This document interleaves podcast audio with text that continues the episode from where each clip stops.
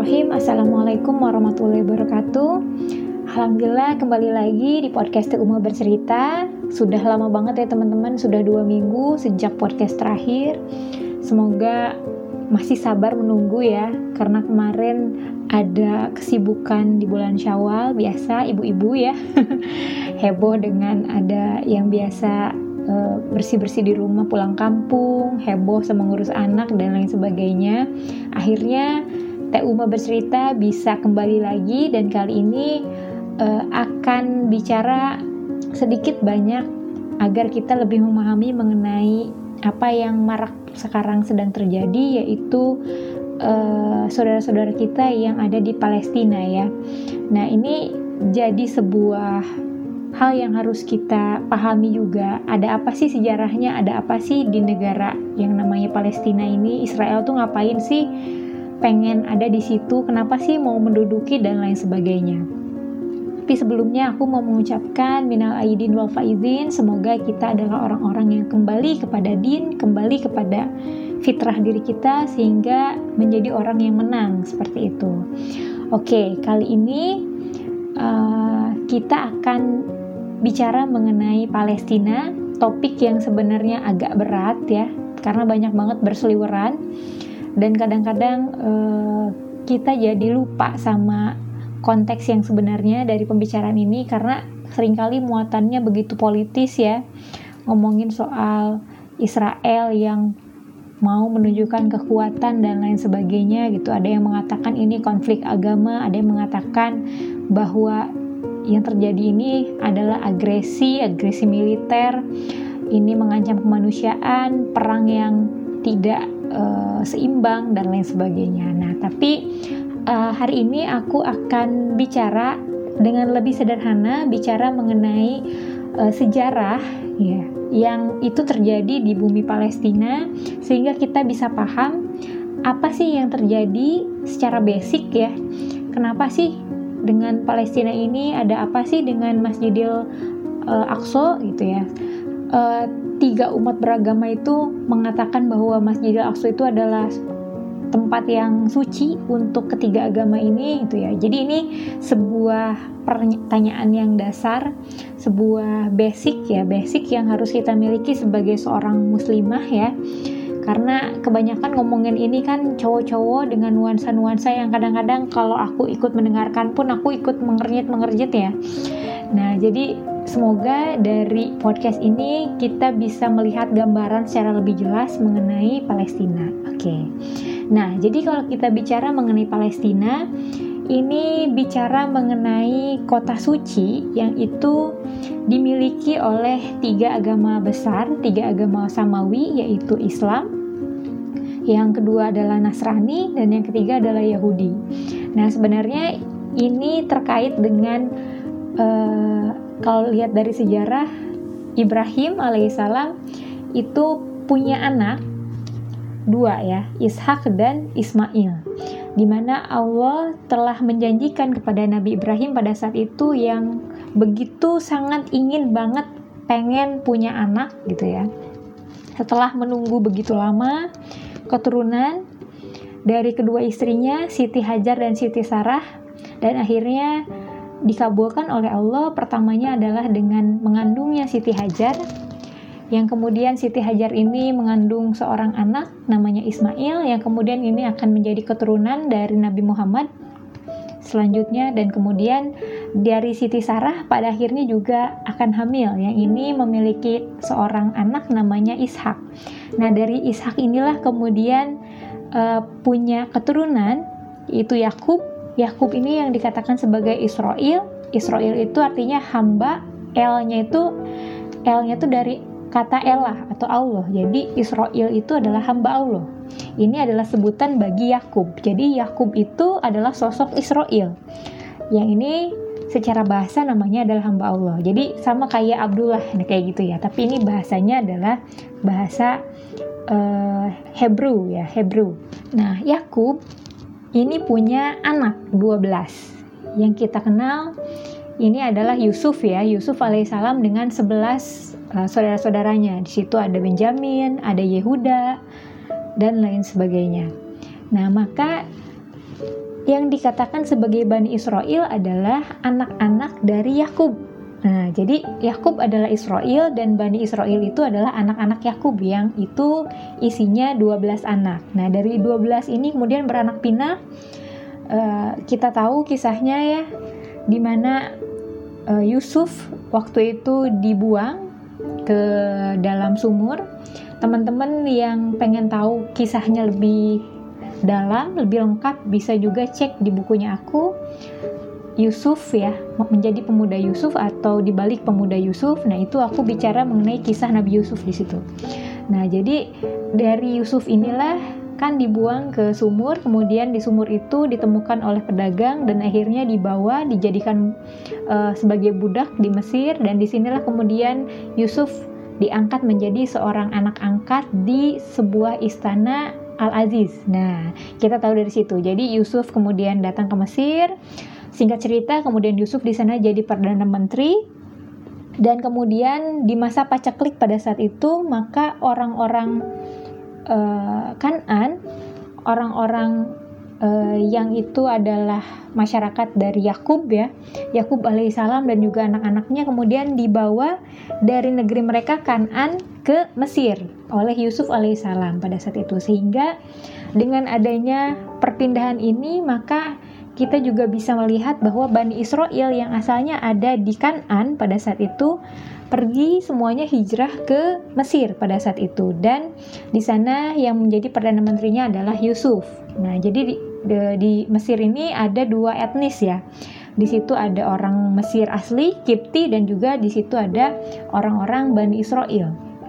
Orang-orang keturunannya Yakub seperti itu. Nah, di sini mereka beranak pinak. Nah, namun perangai mereka memang apa ya? Dikatakan uh, sombong gitu ya. Jadi sulit untuk berdamai dengan orang lain. Jadi uh, orang Yahudi itu kalau digambarkan dalam Al-Qur'an ketika mereka berkuasa, mereka sombong, tidak tahu diri, ketika mereka di bawah mereka akan meminta pertolongan seperti itu. Makanya kalau kita lihat dalam Al-Qur'an uh, ketika Yusuf ini sudah berkuasa ya. Nah, maka di sana Bani Israel tuh hidup tenang, enak, tapi sebagai pendatang mereka punya perilaku yang tidak menyenangkan. Jadi sudahlah mereka itu imigran ya, mereka pendatang tapi nggak bisa akur sama penduduk asli yaitu penduduk Kipti. Sehingga akhirnya setelah masa pemerintahan Yusuf mereka sering banget terlibat dengan perkelahian terlibat dengan pertengkaran ya sampai akhirnya Allah memutarbalikan nasib mereka karena kesombongan mereka sampai akhirnya mereka dijajah oleh orang Mesir, orang Kipti. Nah, makanya ada kemudian Firaun yang berkuasa. Nah, ketika Firaun berkuasa inilah Bani Israel terjajah ya gitu. Dan pada saat itu Allah mengabadikan bahwa uh, dalam Al-Qur'an bahwa mereka meminta pertolongan dengan meminta diutusnya seorang nabi. Nah, dan kita tahu itu adalah kisah Nabi Musa yang diutus ke tengah kaumnya, ke tengah Bani Israel untuk membebaskan gitu ya. Jadi, membebaskan orang-orang Bani Israel dari penjajahan Firaun pada saat itu. Nah, dari situ kita tahu akhirnya e, Musa alaihissalam ini diutus membebaskan mereka. Mereka kemudian pergi dari Mesir ya melakukan eksodus, melakukan hijrah. E, mereka pergi sampai kemudian mengarungi laut ya, di mana di sini kita tahu ada mukjizat dari Nabi Musa alaihissalam. Laut, laut merah itu terbelah Nah, dan ada dalam riwayat bahwa terbelahnya ini menjadi 12 bagian.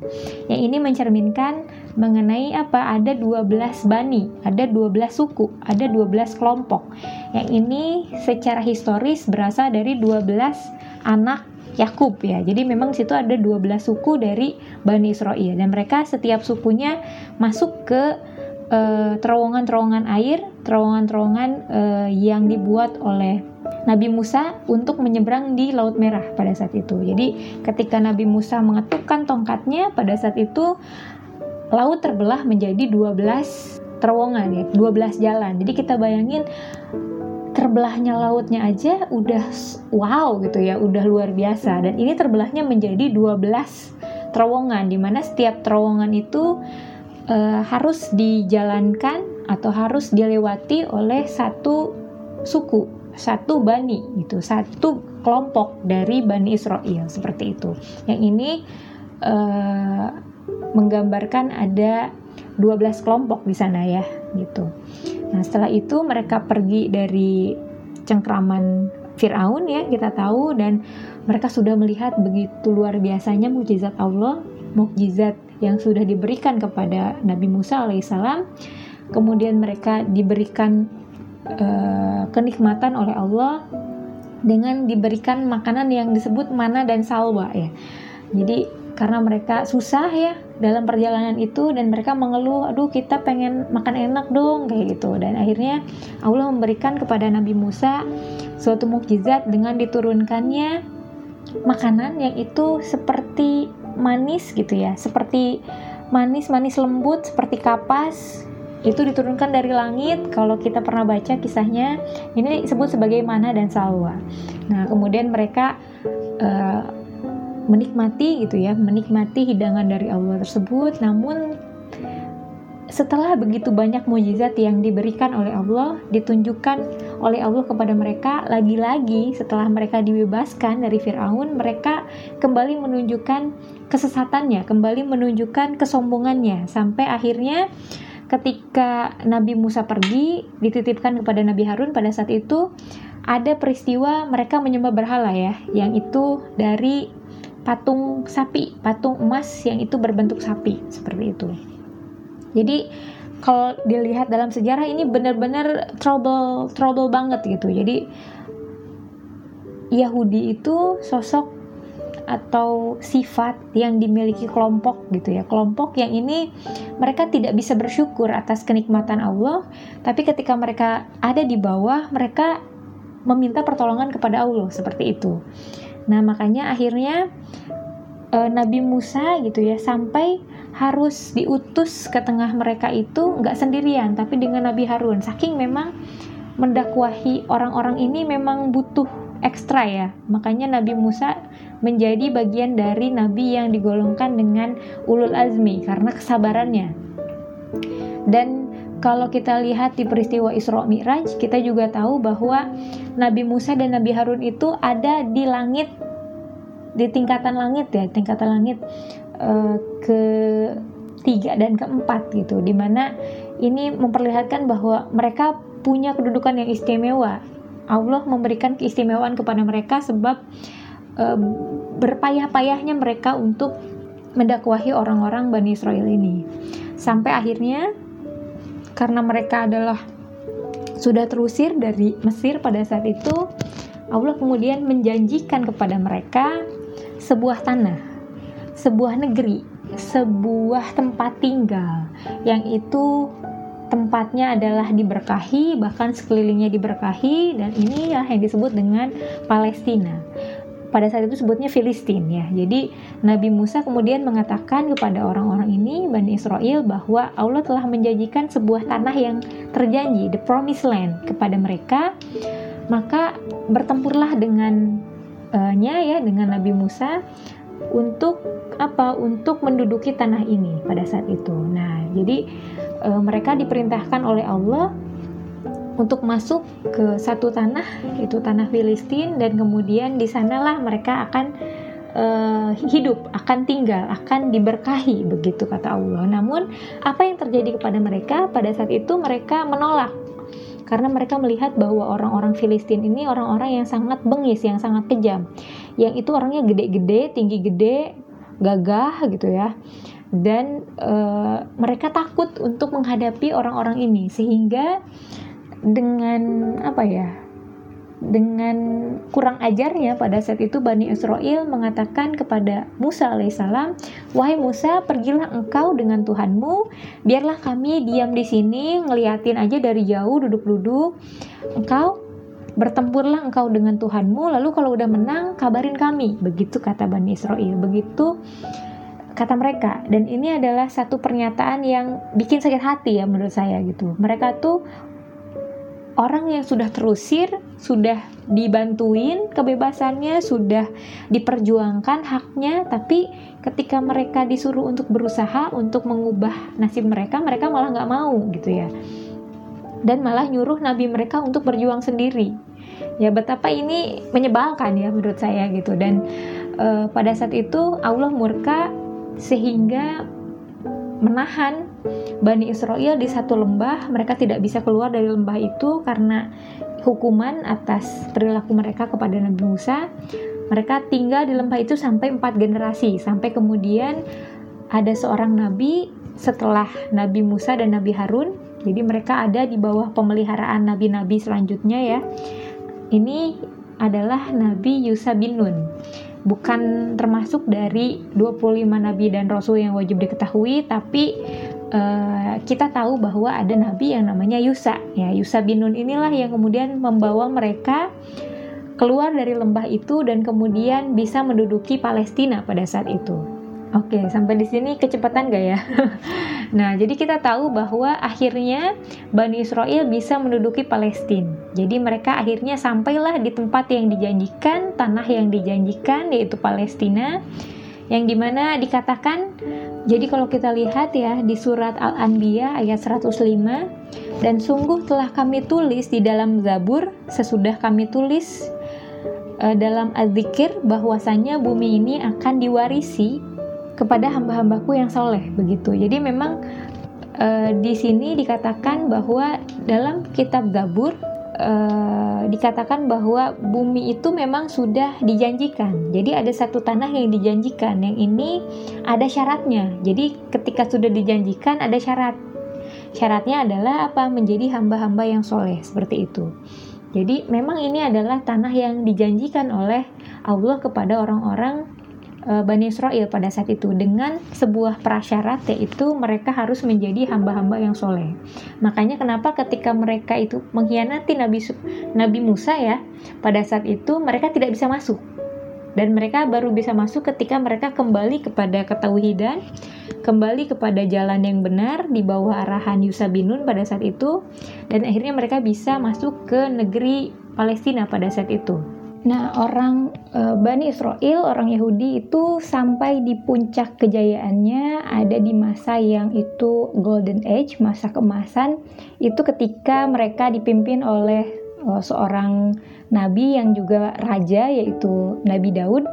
Nah, jadi e, di masa Nabi Daud inilah orang-orang Bani Israel ini ada di puncak kejayaannya, puncak teknologi, mereka punya bangunan yang luar biasa bagus uh, dan mereka dimenangkan dalam pertempuran. Jadi kalau kita tahu kisahnya di versi barat ada yang namanya David and Goliath. Mungkin nanti kita akan bahas soal itu juga ke depannya. Nah, ini kisah mengenai Raja Daud dengan Raja Jalut.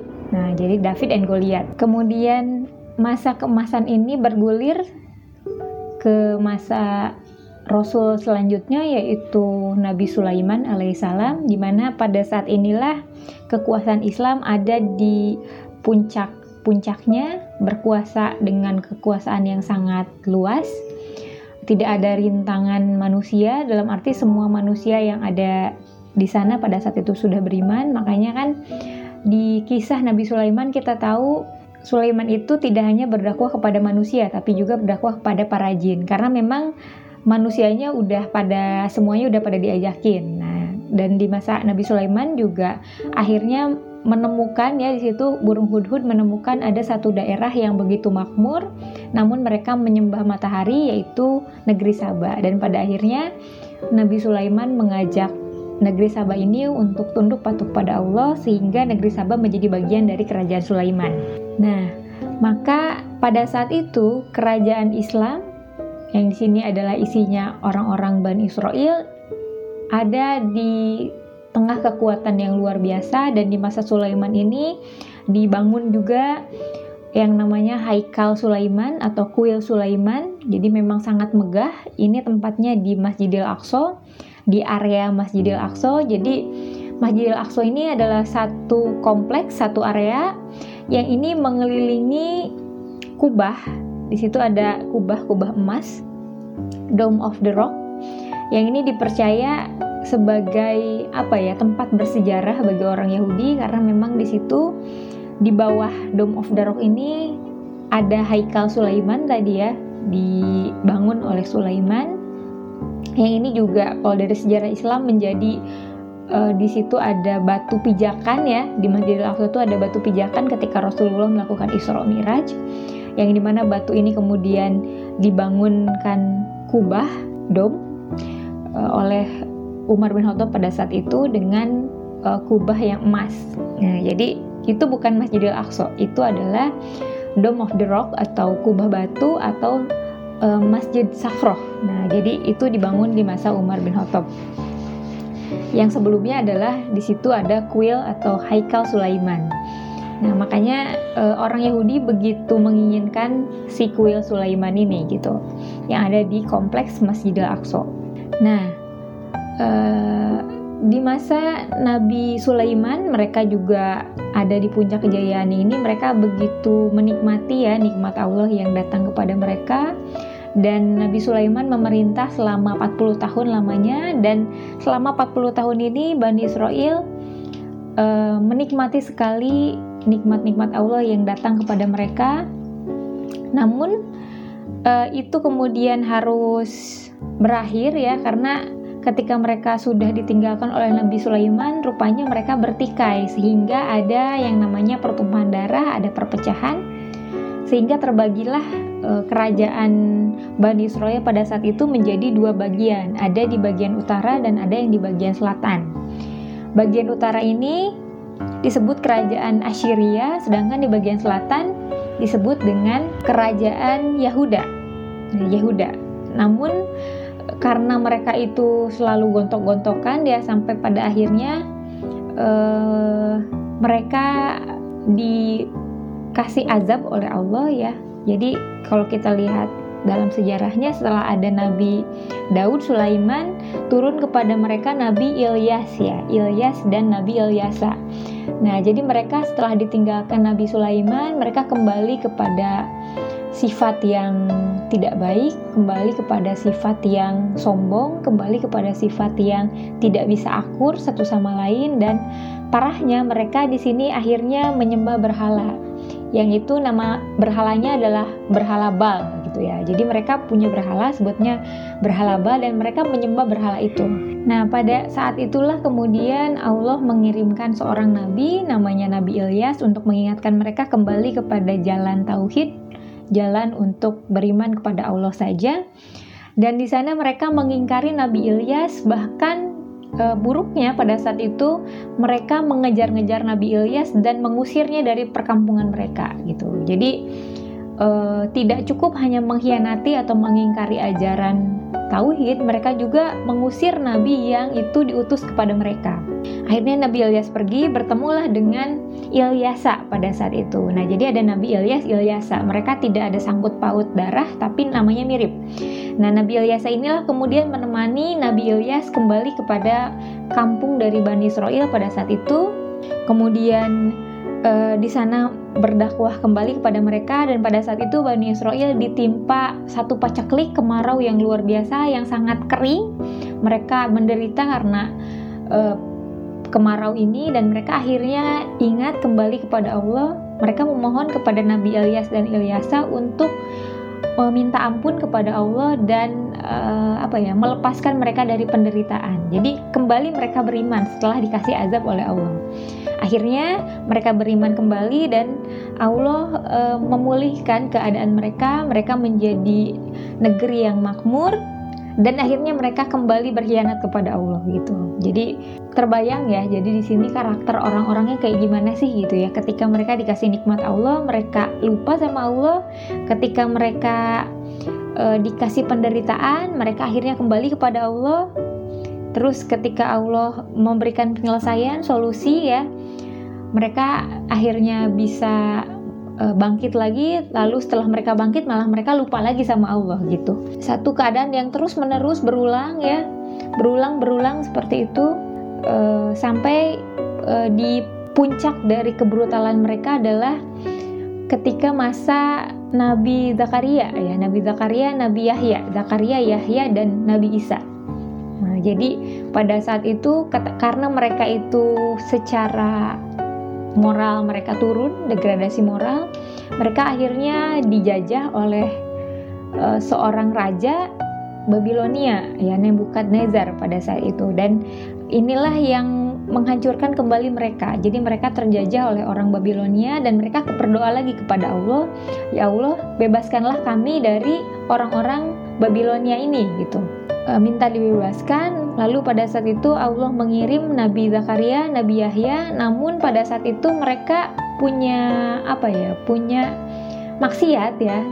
Mereka itu punya kebiasaan e, incest ya. Jadi ada ada satu hubungan darah tapi mereka melakukan pernikahan. Pada saat itu yang melakukan praktek ini adalah Raja Herodes, Raja Babilonia.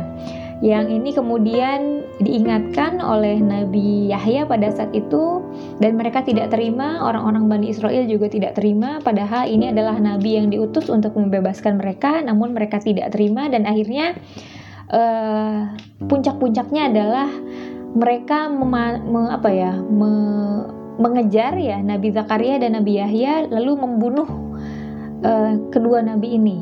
Itu ada yang mengatakan dalam sejarah mereka dibelah menjadi dua ya tubuhnya karena saking brutalnya mereka dan begitu juga dengan Nabi Isa. Nabi Isa dikejar-kejar dan mereka meyakini Nabi Isa itu dipancung ya, disalib pada saat itu.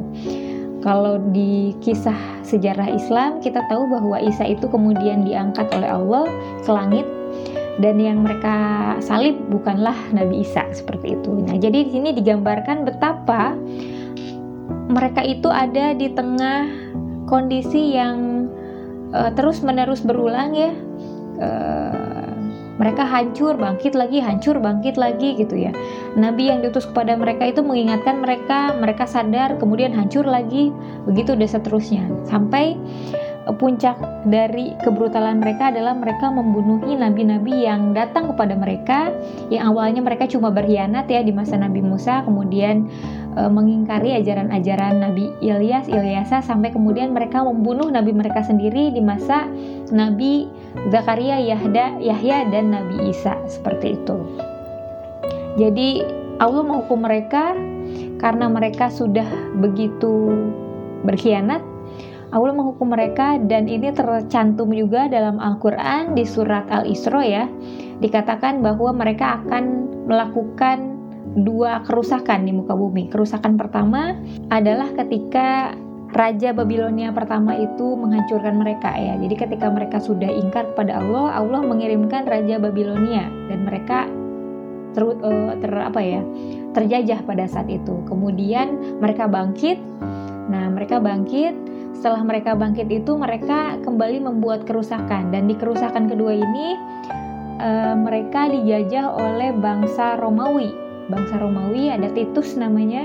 Nah, bangsa Romawi inilah yang kemudian membuat orang-orang Bani Israel ini berdiaspora, pergi ke mana-mana, karena mereka akhirnya terusir dari tanah itu, tanah yang dijanjikan begitu. Dan ada sebuah prasyarat pada saat itu, kalau kita baca di surat Al-Anbiya ya, ayat 105 dikatakan dan sungguh telah kami tulis dalam Zabur. Nah, Zabur ini adalah kitab yang diturunkan kepada Nabi Daud ya uh, bahwasanya bumi ini akan diwarisi oleh hamba-hambaku yang soleh. Jadi memang Allah sudah menjanjikan sebuah tanah, tanah yang begitu diberkahi Palestina atau dulu disebutnya Kanan kepada orang-orang Bani Israel dengan sebuah syarat yaitu hamba-hambanya ini adalah hamba-hamba yang soleh.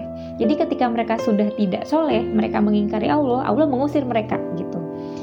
Nah, makanya terbayang ya, kenapa kemudian akhirnya mereka terusir dari tanah mereka sendiri, yaitu ketika mereka sudah membangkang kepada Allah. Nah, oke, kita akan lanjut ke silsilah dari Nabi Ismail ya. Kita tahu dari Nabi Yakub itu ada Nabi Ishak, yang ini kemudian ada keturunan Bani Israel, keturunan Yahudi. Nah, dari Bani dari Nabi Ismail dari Nabi Ismail kita tahu ada keturunan yang kemudian ini menjadi uh, nabi terakhir yaitu Nabi Muhammad Shallallahu Alaihi Wasallam. Nah Nabi Muhammad Shallallahu Alaihi Wasallam diturunkan di kota Mekah, diutus di kota Mekah, kota Arab ya, di negeri Arab.